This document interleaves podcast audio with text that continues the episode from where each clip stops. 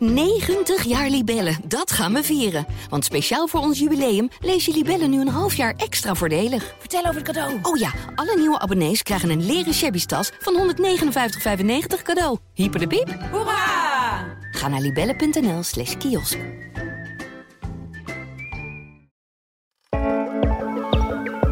Dit is Ondertussen in de Kosmos, de wekelijkse wetenschapspodcast van de Volkskrant. Mijn naam is Tony Mudde en we gaan het vandaag hebben over de zwaartekracht. Je kent hem wel, die kracht die ervoor zorgt dat je met beide benen op de grond blijft staan. Of eh, dat het servies kapot gaat als je het uit je handen laat vallen. Nou, die kracht dus lijkt heel gewoon, maar er is iets geks met die zwaartekracht aan de hand. Iets wat wetenschappers er niet aan begrijpen, maar nu misschien toch het begin van een oplossing voor hebben. Ik ga het erover hebben met onze specialist sterrenkunde en natuurkunde, George van Hal. George, fijn dat je weer hier bent voor een hot, maar ook ingewikkeld topic volgens mij. Ja, ja, ja, klopt. Ja, we gaan ons er dapper doorheen slaan. We, ga- we gaan het gewoon doen. En, eh, meteen maar eventjes e- eh, even de basis voor de dag ermee. Wat klopt er niet aan wat we weten over de zwaartekracht? Eh, Ik weet niet hoeveel tijd we voor deze podcast hebben ingeruimd. Er zijn natuurlijk boeken over volgeschreven de laatste jaren. En eh, natuurkundigen zijn hier al decennia mee bezig. Maar het, ja, het belangrijkste probleem is dit. Mhm. We hebben in de natuurkunde, gebruiken natuurkundigen een aantal theorieën om de werkelijkheid mee te beschrijven. Mhm. En twee van de belangrijkste van die theorieën zijn de algemene relativiteitstheorie van Einstein en de kwantummechanica, die gebruikt wordt om de wereld op hele kleine schaal te beschrijven. Ja, In een van die twee, de algemene relativiteitstheorie, kun je de zwaartekracht beschrijven en dat werkt. In de kwantumfysica bestaat dat nog niet. Het lukt niet om daar de zwaartekracht in te vangen. En die twee theorieën willen ook niet met elkaar samenwerken. Er zit een soort, ja, een soort gat tussen als je dat op elkaar probeert te laten aansluiten. ja. Dat is heel gek en dat is het centrale probleem. En en voordat we het over dat gat gaan hebben, wil ik eerst even wat vast grond onder de voeten. Ja, eerst de vaste grond, dan de gaten. ja, precies. Dat, dat, dat is, dat is altijd Lijkt- verstandig. Lijkt me een goede volgorde. En eh, namelijk wat we wel snappen over de zwaartekracht. En dan begin ik maar even met misschien de, de, de, de domste vraag die ik kan stellen. Wat is het nou precies, zwaartekracht? Nou, denk ik helemaal niet zo'n domme vraag. Want Ja. ja. ja, als jij daar het antwoord op hebt, dan, eh, ja, dan kun je je enkeltje naar de Nobelprijs alvast boeken, denk ik. Oké. Want Ja, Niemand- iets, iets wat aan mij trekt vanuit de aarde. ja, niemand weet dat eigenlijk. En dat is het hele gek. Het is een super alledaagse kracht. Mhm. Want ja, we voelen hem allemaal. Op dit moment voelen we de zwaartekracht terwijl we deze podcast aan het opnemen zijn. Ja. En iedereen die hem aan het luisteren is, voelt hem ook. Ja. Maar wat het nou precies is, dat is, ja, dat is gewoon echt heel moeilijk te zeggen. Je kunt het wel vangen in wiskundige formules. Hè. Dat is al, al eerder gedaan. Eh, Newton, een van de, een van de eerste, hè, Isaac Ja. Newton. Je hebt je het beroemde, eh, de beroemde gebeurtenis waarbij er een appel uit een boom viel. En nou ja, die dan al dan niet op zijn hoofd of in de buurt of Mhm. eh, enzovoort viel. Ik weet niet hoe historisch correct die anekdote is. Ja. Maar dat is in elk geval wat ze altijd zeiden. Dat hij zich realiseerde. Ah, dingen vallen naar beneden. Hm. En ik kan daar misschien een, een natuurwet voor opstellen. Die beschrijft hoe dat dan gebeurt. Met hoe snel ze vallen. En met welke Ja. kracht het, dan gaat. Nou ja, Ja. dat is, weet je wel, dat is gedaan. En daar kun je vervolgens aan rekenen. Maar wat het dan echt is, die zwaartekracht. Dat is heel erg moeilijk. En dat weet eigenlijk nog steeds niemand. Maar ik denk dan als leek, hè, dan denk ik aarde, redelijk groot balletje, trekt hard aan mij. En dan zie je die plaatjes van eh, astronauten die op de maan veel hoger springen, waar de zwaartekracht dus kleiner is. Ik denk de maan, iets kleiner bolletje. Blijkbaar is het zo, hoe groter het bolletje, Ja, hoe harder het trekt, de zwaartekracht. Ja, is, dat is- de, de, wet, is de, wet, de wet van Mudde, noem ik hem maar even. precies. Ja, Nou, die komt best wel in de buurt bij de, de wet van Newton. Het, het schaalt met de, met de massa van een voorwerp. oké. dus, Hoe ik, groter de massa, hoe Ja. harder je met de zwaartekracht aan iets trekt. dus als ik mij oprol tot balletje, Ja. Dan trek ik ook aan dingen. ja, of als je dat niet doet, ook gewoon. Dan doe ik het als ook. Je, Ja, dan ben ik ook een als massa. je Tony Muddig vormig bent, dan ben je ook een massa en dan trek je ook aan dingen. Maar ik, ik trek dus nu aan de, deze microfoon die voor mijn mond ja, hangt. en die microfoon die voor jouw mond hangt, die trekt weer een beetje aan jou. Ja, En dit is allemaal heel weinig, dus nou ja, dit voel je eigenlijk niet. Pas als het heel veel groter wordt, hè, als je de aarde hebt, ja, daar, die trekt zo hard aan ons dat we op die aarde blijven zitten. Maar wij trekken ook een heel klein beetje aan die aarde. Alleen ja, die aarde is zo zwaar dat hij dat weer bijna niet merkt. en eigenlijk snappen dus wetenschappers dan niet wat nou precies die kracht dan veroorzaakt. Of wat nee, het dan nou ja, is. kijk, er zijn dus wel theorieën over. Mhm. Hè, ehm, Newton had echt alleen nog maar de wiskunde.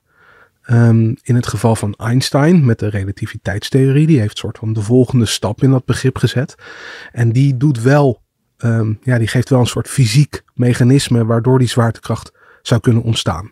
Ja. En dat is dat zware massa's, maar ook lichte massa's, gewoon massa's punt eigenlijk, die Mhm. vervormen het weefsel van ruimte en tijd waarin wij ons begeven. Dus eh, we leven in een, in een vierdimensionale werkelijkheid. Drie dimensies die kennen we. Dat zijn de drie dimensies van ruimte. Is voor, achter, boven, onder, links, rechts. Ja. En je hebt ook een soort dimensie van de tijd. Zou je kunnen beschouwen als eerder, later. Ja. Wiskundig kun je dat allemaal op één hoop vegen. En dat is ook gedaan door, door Einstein en zijn, zijn voorgangers en zijn, zijn nakomelingen. Eh, niet Ja. letterlijk, maar geestelijk. Ja. Ehm, en eh, op die manier kun je die ruimtetijd, als je het in een soort eh, analogon, tweedimensionaal analogon eh, beschouwt, kun je beschouwen als een soort tafellaken. En een massa die je daarop legt, veroorzaakt dan een kuil. Mhm. Als je zo'n tafellaken vasthoudt en je legt daar een bowlingbal op, dan krijg je een diepere kuil dan als je daar een knikkertje op legt. Ja. Nou, in die kuil, als je daar dan inderdaad een bowlingbal op legt en je legt er een knikkertje omheen, je geeft dat knikkertje een zetje, en dan gaat dat knikkertje in die kuil draaien om die zware bowlingbal heen. Ja. Nou, dat is net zoiets als de maan die om de aarde draait of de aarde die om de zon draait. Ja. En als hij dat setje niet heeft, hè, dan rolt hij naar die zwaardere bal toe, de kuil in. Mhm. En dat is die aantrekkingskracht die we, die we voelen. Dus wij, zeg maar, rollen de kuil in van de aarde en daarom blijven we op de aarde zitten. En je moet een raket bouwen die flink veel kracht zet om jou een zetje te geven om die kuil weer uit te komen. Om er vanaf te komen. Ja. Ja, dat is de manier waarop die algemene relativiteitstheorie de zwaartekracht begrijpt. En want als ik dit zo hoor, hè, je hebt die, die, die formules, je had een, een Newton en je had op een gegeven moment ook, eh, hoe heet die, die dingen van de toren af liet vallen. Simon Stevin met Ja. de valproef. Ja, Ja, die liet dan zware dingen en lichte dingen vallen en die zei, hé, hey, ze vallen precies tegelijkertijd. ja, Dat was ook een manier om dan te zeggen van, hé, hey, zo werkt de zwaartekracht. ja. En dan eigenlijk al die formules, daar is op zich niks mis mee, want daar kan je gewoon dingen mee ontwerpen en Ja. eh, raketten mee ontwerpen, vliegtuigen, auto's, alles wat je maar hebt. Ja. Eh, constructies van gebouwen, hoe stevig die moeten zijn. Ja. En waar gaat het dan precies mis? Als dat blijkbaar toch allemaal goed is, die formules. Nou, kijk, in de wereld van alle dag heb je dus eigenlijk niet heel veel meer nodig dan Newton. Mhm. Pas als dingen heel snel bewegen of heel erg zwaar worden, dan heb je Einstein nodig met die algemene relativiteitstheorie. Dan moet je echt een, ja, je denken aan een paar punten achter de komma, wordt het allemaal aangepast en dan klopt het toch. Dat is die theorie die, die dus echt nou, de- voor, de, voor extreme gebeurtenissen, dat Ja. dan de zwaartekracht de ruimte zelf een beetje vormt. Ja, en dat is inmiddels ook allemaal bewezen en getest. Eh, De GPS-satellieten die om de aarde draaien, die moeten rekening houden met die dingen om hun, om hun positiebepaling nauwkeurig te maken. Eh, allerlei kosmologische gebeurtenissen. Weet je wel, als er dingen gebeuren met zwarte gaten of met complete sterrenstelsels die ruimte en tijd vervormen, kun je allemaal narekenen. En keer op keer blijkt gewoon die, die algemene relativiteitstheorie, die blijkt gewoon perfect te kloppen. Tot zoveel punten achter de komma als we tot nu toe kunnen meten Ja. klopt het elke keer. Dus hij is waar, voor Ja, zover we... Dus Newton had gelijk en Einstein had gelijk. En dan is er dus ook nog zoiets dat de kwantumfysica heet. Ja. En dat beschrijft de wereld op de allerkleinst mogelijke schaal. Op de schaal van deeltjes, hè, de elementaire Mhm. bouwsteentjes van alles om ons heen. En in die wereld kunnen allerlei hele gekke dingen. Ehm, deeltjes kunnen bijvoorbeeld op meerdere plaatsen tegelijkertijd zijn. Dat heet iets, dat, dat noemen ze superpositie. Ook dat kun je bewijzen in experimenten. Ga ik nu niet al die experimenten weer aanhalen. Maar, nou ja, Neem maar van George aan dat het waar is. Geloof Ja. mij maar, het klopt. Ehm, en dat is ook al decennia lang bewijs op bewijs gestapeld. Dus we weten gewoon, die kwantumfysica, die klopt ook. Ja. Dus die algemene relativiteitstheorie klopt. De ene theorie, de andere theorie klopt. Ja. Maar ze willen niet samenwerken. En het, eh, als je dat op een wat aardsere manier zou willen verbeelden, stel ik me altijd zo voor dat je dan in een escape room zit. Ja, dat, dat is zo'n zo'n ruimte waar je dan met collega's naartoe kan gaan of met je kinderen. Ja, en dan moet je, de en dan moet je allemaal vinden. puzzels oplossen. En dan eh, als je de uitgang hebt gevonden, dan eh, krijg je een Snickers. Ja. ja. En ehm, eh, stel nou, je staat voor de laatste deur. En je bent er echt van overtuigd, dit is de laatste deur. Mhm. En je hebt de laatste code of de laatste sleutel in je handen. En je bent er ook van overtuigd, dit is de goede code of de goede sleutel. Nou, vervolgens steek je die sleutel in de deur en je kan toch niet naar buiten. Ja. En dan kunnen er drie dingen aan de hand zijn volgens mij. Mhm. Of je hebt stiekem toch de verkeerde sleutel. Of je hebt stiekem toch de verkeerde deur. Of je hebt en de verkeerde deur en de verkeerde sleutel. Dat kan ook nog. ja. Dus nou, hetzelfde is aan de hand met die algemene relativiteitstheorie en die kwantumfysica. Mhm. Ja, de enige manier waarop die twee niet zouden kunnen passen op elkaar is als de een niet klopt, als de ander niet klopt of als ze allebei misschien helemaal of een beetje niet kloppen. Ja, en is, heeft dat, eh, is dat vooral erg voor natuurkundigen of is dat ook nog erg voor mensen in hun dagelijks leven of hoe wij ruimtemissies ontwerpen of hoe we... Ja, is het erg? Weet je wel, ik denk dat het voor niemand echt erg is. Ja. Want niemand heeft er in zijn dagelijks leven last van. Natuurkundigen, gek genoeg, vinden dit eigenlijk misschien stiekem zelfs wel leuk. Want het is een nieuwe manier, het is een nieuwe puzzel die je moet oplossen. Er is een probleem. Dit is waarom natuurkundigen bestaan, om, om dit soort problemen op te lossen. Als die natuurkunde af zou zijn, zouden natuurkundigen ook geen werk meer hebben. Maar het is eigenlijk, het doet natuurlijk wel een beetje pijn als je zo, zo'n zwaartekracht die er gewoon al is, nou, ja, zolang er mensen zijn al lang daarvoor, Ja, dat je zoiets fundamenteels dat er overal is, dat je eigenlijk zegt van eigenlijk snap ik hem niet goed. Nee. Dat, ja. dat, dat doet, ja, dat doet ook bij mij gewoon pijn. Ja, en het is zo raar omdat je die twee theorieën hebt die gewoon hartstikke goed werken. Die gewoon keer op keer bewezen zijn, maar dan toch op de een of andere manier blijkbaar niet af zijn. Dus er moet iets raars aan de hand zijn dat we nog niet snappen. En dat mysterie, dat spreekt gewoon heel veel mensen aan. Ja. En eh, er zijn vast wel knappe koppen ergens op de planeet die eh, zeggen: ik, eh, ik klaar dat klusje. ik, ik ga Ja. gewoon even dat, dat gat wat Einstein Ja. en Newton en, en de kwantumfysica heren en dames lieten vallen. Dat ga ik gewoon even Ja, zijn vullen met al, mijn genie. zijn mensen al decennia lang mee bezig. Ja. En het heeft een aantal hele beroemde opties opgeleverd. De snaartheorie doet misschien vaag een belletje rinkelen bij, eh, bij sommige mensen die deze podcast luisteren. Dat is een theorie die dan maar gewoon helemaal opnieuw begint van de basale bouwstenen van de werkelijkheid herdefinieert als een soort trillende snaartjes. Mhm. En dan is onze, onze werkelijkheid, die ruimte en tijd die met elkaar vervlochten zijn, een soort weefsel van allemaal van die aan elkaar verbonden snaartjes. Ehm, je hebt iets dat eh, die is wat minder bekend. Dat heet Loop Quantum Gravity. Ja, een vreselijke naam, maar goed. ehm, die doet iets soortgelijks, maar dan met kleine ringetjes die je aan elkaar vasthaakt. Maar dat zijn allerlei, eigenlijk alleen maar ideeën die hebben geleid tot wiskunde. Die bedoeld is om uiteindelijk op de een of andere manier die twee theorieën toch aan elkaar te lijmen. Op een manier waarop je eh, dan voorspellingen kunt gaan doen wat er gebeurt in de extreme situaties waarin je beide theorieën nodig hebt. En dat is meestal alleen bij dingen als het binnenste van zwarte gaten of het begin van de oerknal. Mhm. Nou ja, je begrijpt, je kunt niet zomaar in een zwart gat en je kunt ook niet zoveel miljard jaar terug naar het begin van die oerknal. Dus dat zijn hele, hele esoterische gebeurtenissen. Of om te begrijpen hoe de zwaartekracht werkt. En dat is, nou ja, dat is veel tastbaarder en dat is waarom heel veel natuurkundigen aan zo'n zwaartekrachtstheorie sleutelen. Ja, ik heb zelf altijd een beetje wantrouwen zodra mensen zich op een wetenschapsgebied gaan begeven waarbij je eigenlijk nooit goed experimenteel kan aantonen of de theorieën die ze op het bord schrijven met allemaal mooie formules, of dat nou iets in zit of niet. Want dan, Ja. dan wordt het bijna een soort poëzie eigenlijk. Ja, een soort, ja, een soort kunst of zo. Ja, wel, het heeft wel iets meer werkelijkheidswaarde, hè, omdat het voortborduurt op de kennis die je al hebt. Ehm, maar dat is wel het grote probleem van theorieën zoals de snaartheorie. Het is heel moeilijk om daar voorspellingen uit te peuren die je kunt toetsen in een experiment. Ja. En ze stuiten ook op problemen die ze al decennia lang niet kunnen oplossen. Maar er is nu iemand die heeft iets bedacht wat je misschien nog experimenteel zou kunnen aantonen Ja, ook. Dus ja. de- de- de- Ja, we moeten deze persoon niet een te grote heldenstatus geven. Hè? Het is niet zo dat, eh, dat One of nu- the new kids on the block, zeg Ja, maar. precies. Er komt iemand met een, met een fris idee. Of misschien ook weer niet. Want het borduurt voort op ideeën die al in de jaren negentig van de vorige eeuw... eh, ja, ten tonele verschenen in vakartikelen. Die zijn toen een beetje in de vergetelheid geraakt. Hij heeft dat weer een soort van afgestoft en actueel gemaakt en verder doorontwikkeld. En hij doet iets anders dan de anderen. Tot nu toe zeiden de meeste mensen: oké, we denken dat de werkelijkheid op fundamenteel niveau kwantummechanisch is. En dus moet die algemene relativiteitstheorie moet zich aanpassen aan de kwantumfysica. Dus heel veel natuurkundigen omschrijven deze zoektocht ook als de zoektocht naar kwantumzwaartekracht. Mhm. Nou, deze meneer zegt kwantumzwaartekracht bestaat niet. Zwaartekracht is helemaal niet kwantum. Dat is klassieke natuurkunde zoals we dat kennen uit de tijd van Newton. Dus die algemene relativiteitstheorie die laten we met rust. We gaan die kwantumfysica aanpassen om toch in ons plaatje te passen. Nou, dat is een heel ingewikkeld idee wat hij daarvoor ontwikkelt. Waarbij eh, eh, bijvoorbeeld de tijd niet meer constant vloeit, maar ja, een soort van golft, wiebelt en fluctueert als een soort eb en vloed onder onze, onder onze werkelijkheid.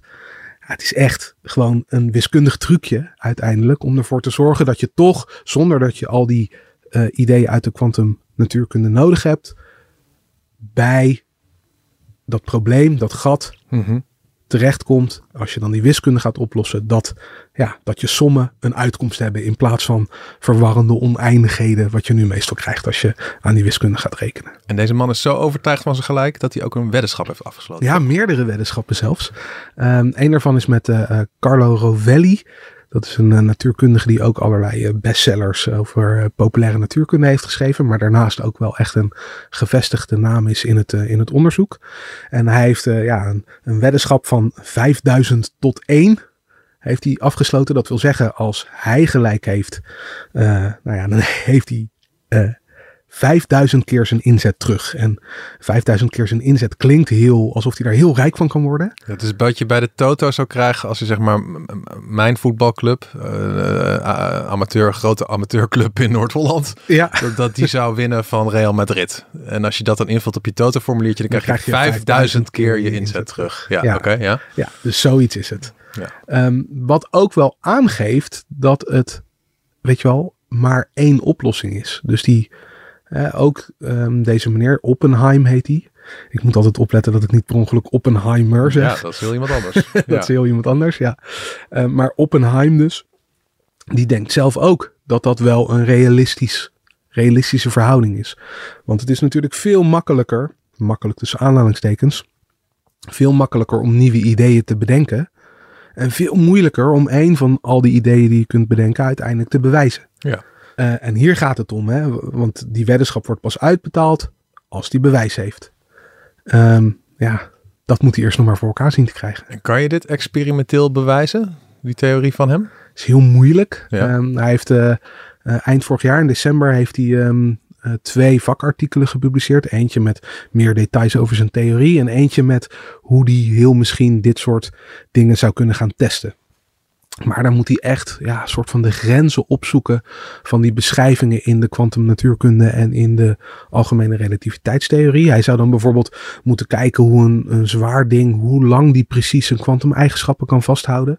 Of uh, heel, uh, in heel veel detail en heel veel cijfers achter de komma de massa van iets kunnen meten. Mm -hmm. uh, dat zijn het soort dingen die je moet doen. En dan moet je denken aan experimenten die moeilijk zijn, heel veel tijd kosten en ook heel erg duur zijn om op te zetten.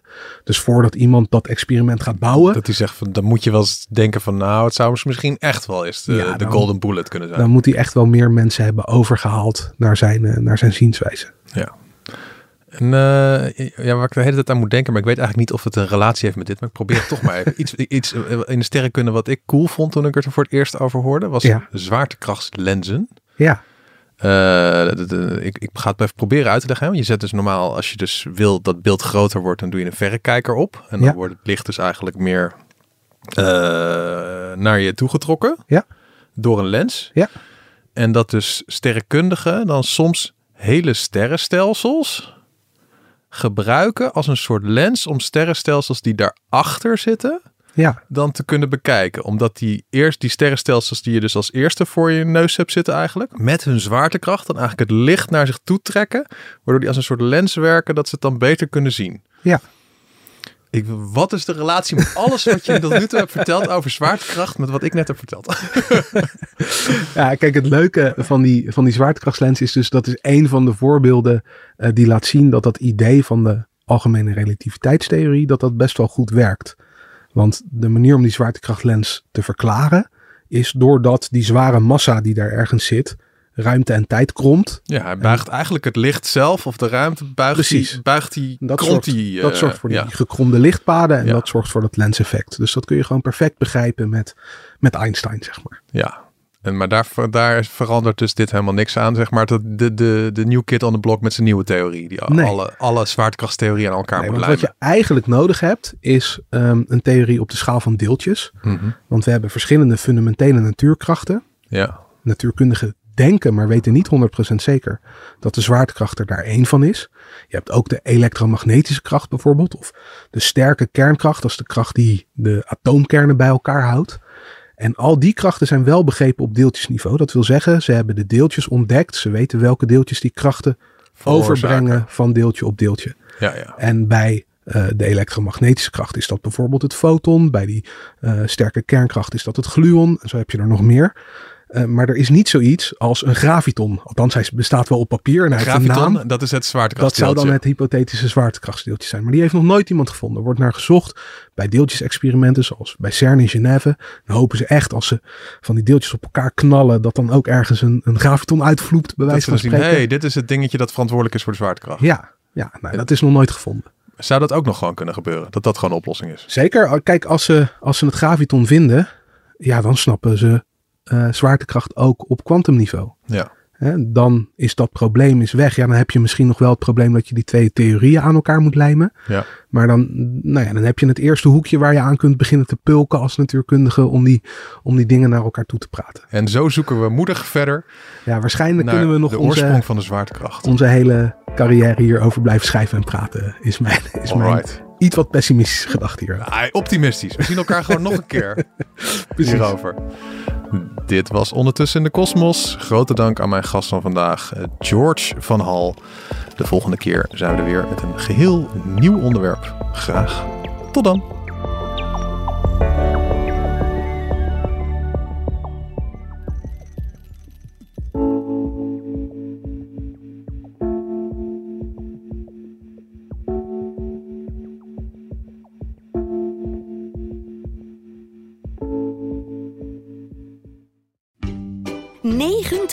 Libellen, dat gaan we vieren. Want speciaal voor ons jubileum lees je Libellen nu een half jaar extra voordelig. Vertel over het cadeau. Oh ja, alle nieuwe abonnees krijgen een leren shabby tas van 159,95 cadeau. Hyper de piep. Hoera! Ga naar libellen.nl slash kiosk.